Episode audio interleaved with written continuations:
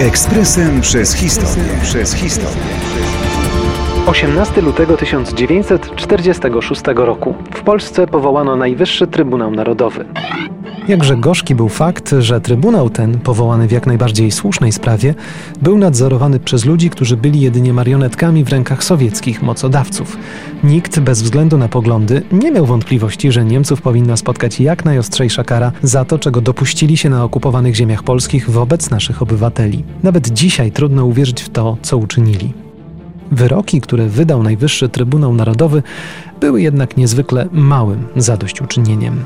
Polacy, sprzedani Stalinowi przez Anglików i Amerykanów już w Teheranie, a potem w Jałcie, nie mogli prowadzić własnej powojennej polityki odnośnie ukarania zbrodniarzy niemieckich. Wszystko odbywało się pod dyktando Moskwy, a setki niewygodnych dla Sowietów faktów trzeba było przemilczeć. Mówiono tylko o okupacji niemieckiej.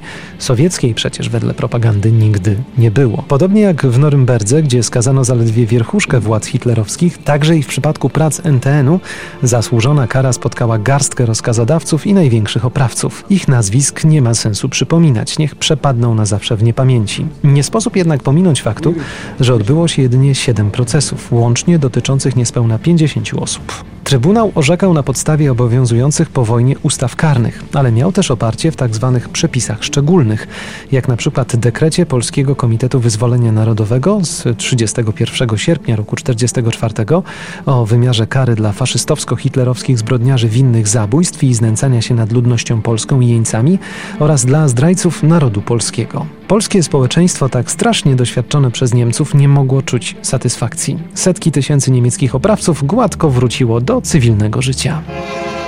Ekspresem przez historię. Przez historię.